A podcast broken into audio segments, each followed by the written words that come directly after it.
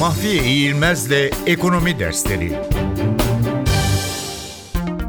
BIS 1930 yılında kurulmuş olan Uluslararası Hesaplaşma Bankası BIS, dünyanın en eski finansal örgütleri arasında yer alıyor.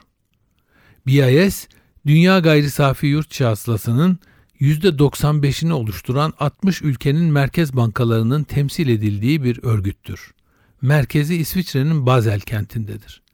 BIS'in misyonu merkez bankalarına uluslararası ortak bir görüşme ve tartışma platformu sağlayarak izleyecekleri para politikası ve finansal istikrar politikalarında yol göstermektir.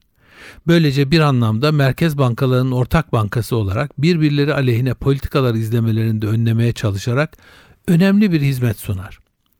Bunlara ek olarak BIS bir yandan para politikası ve ilgili alanlarda uluslararası araştırmalar yaparak merkez bankalarına yol gösterir, bir yandan da merkez bankalarının birbirleriyle olan işlemlerinde birincil ortak pozisyonuyla aracılık yapar, uluslararası finansal operasyonlarda ajan ya da yeddi emin sıfatıyla görev yapar.